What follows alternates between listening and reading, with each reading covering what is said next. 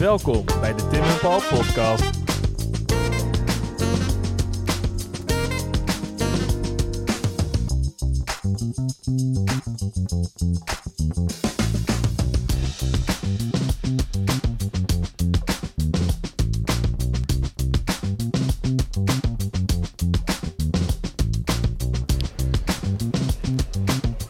Nou Tim, onze zoektocht door Doldwaas speurtocht naar standbeelden die moeten verdwijnen of mogen blijven gaat, eh, gaat verder. Ja, En we zijn helemaal naar het mooiste plein van Amsterdam gefietst. ja. En een plein waar wij veel eh, geschiedenis hebben liggen. zeker. Individueel en met z'n tweeën. Ons Gezamenlijke geschiedenis. ons eerste ook. blogje hebben wij eh, niet hier bedacht, maar als eerste onderwerp van ons eerste blogje hebben wij toen we naar Tuschinski gingen geschreven.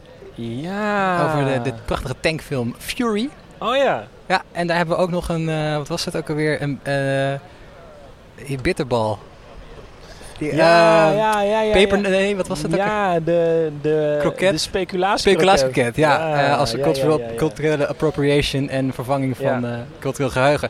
Vandaag gaan we het over iets anders hebben. Niet over onze escapades in de K2 skibar en de, eh, en de Bastille. Dat is iets voor later. Maar we gaan het vandaag hebben over een man die eh, wij alle twee best wel belangrijk vinden, denk ik. Zeker. We zitten hier op, het, op de botermarkt. Ja, Eh, de of plein Rembrandtplein. plein formerly known as Botermarkt. Ja. Eh, bij het standbeeld van Rembrandt. En nu zullen jullie denken, ehm, hoezo is dit, komt dit ter sprake bij deze, bij deze show? Nou, lieve kijkbuis, kijk, luisterbuis kindertjes, dat komt vanzelf. Want ehm, we hebben hier te maken eh, met een bijzonder slecht gefa- gefabriceerd beeld eh, van misschien wel de belangrijkste schilder van de Lage Landen. En wat er heel leuk eh, aan is, het is een voorbeeld van klein nationalistische kleinzerigheid, Ja. zou ik het wel eens willen noemen. We gaan eventjes terug naar 1830, het jaar waarin zoveel gebeurd is voor Nederland. België werd onafhankelijk. België, of tenminste toen begon de Belgische opstand.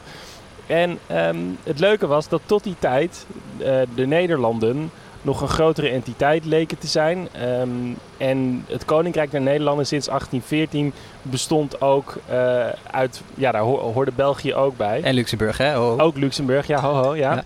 Ehm, en het leuke is dat ze toen in dat land, wat toen dus veel groter was, dat Nederland was een nationale schilder. En dat was meneer Rubens. Ja, Rubens werd, werd door, de hele, eh, ja, door het hele continent en daarbuiten geprezen als de beste schilder, de meest eh, verheven schilder.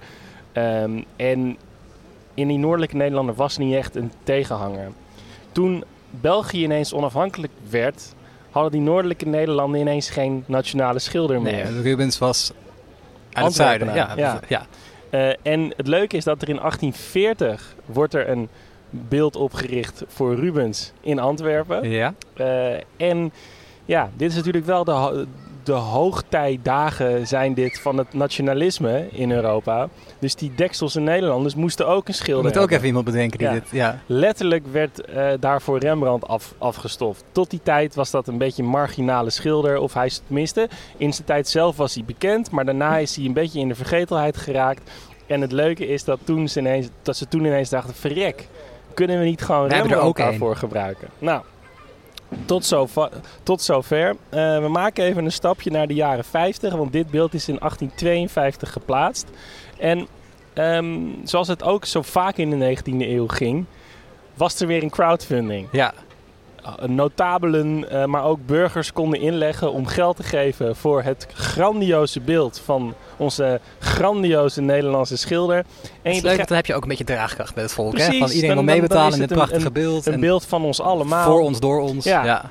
Nou, het leuke is dat dat altijd in Nederland is als er geld wordt opgehaald. Het was te weinig. Ja.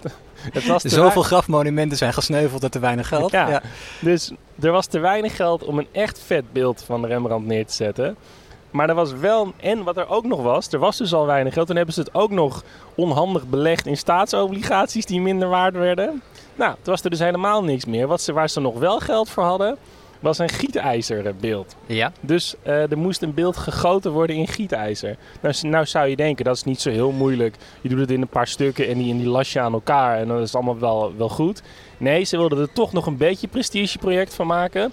Dus moest dit beeld in, aan één stuk gegoten worden. Ja. Nou, dat ging de eerste keer Dat mis. is lastig. Ja. Daar zijn meerdere mensen bij omgekomen. Dat meen je. ja, meer, met mensen bij gewond geraakt.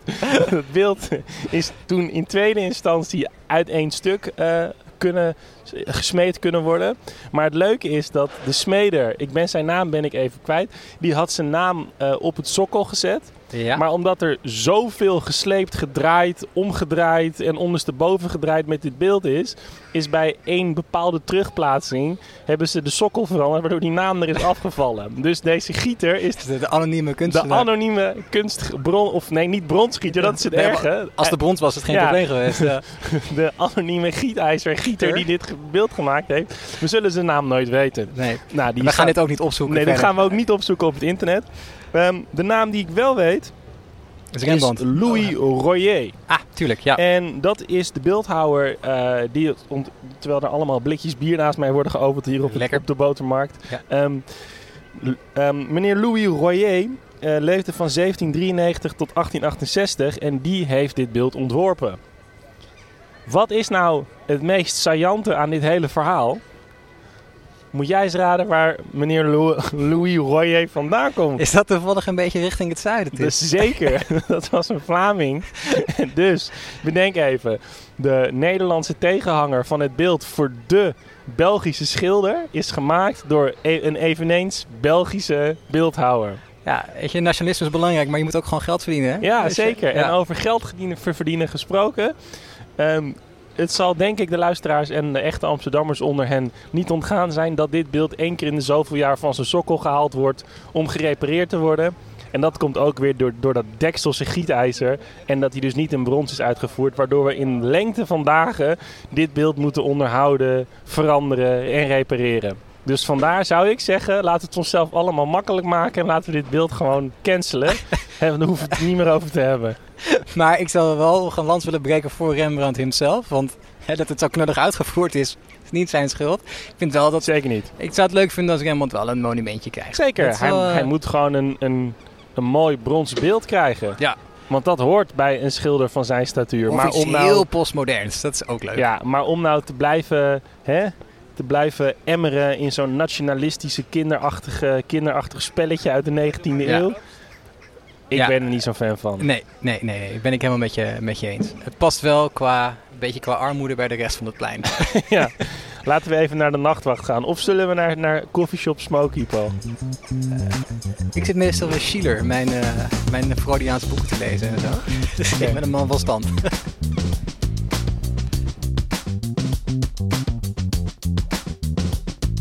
Vond jij dit nou een interessant verhaal en wil je meer over geschiedenis weten? Hou dan onze Instagram in de gaten. We zouden het ook heel leuk vinden als je een recensie achterlaat. Vijf sterren, mag gewoon. En heb je nou een vet idee waar we het over kunnen hebben? Slide dan in onze DM's. Durf gewoon te vragen. Tot de volgende. Groetjes thuis.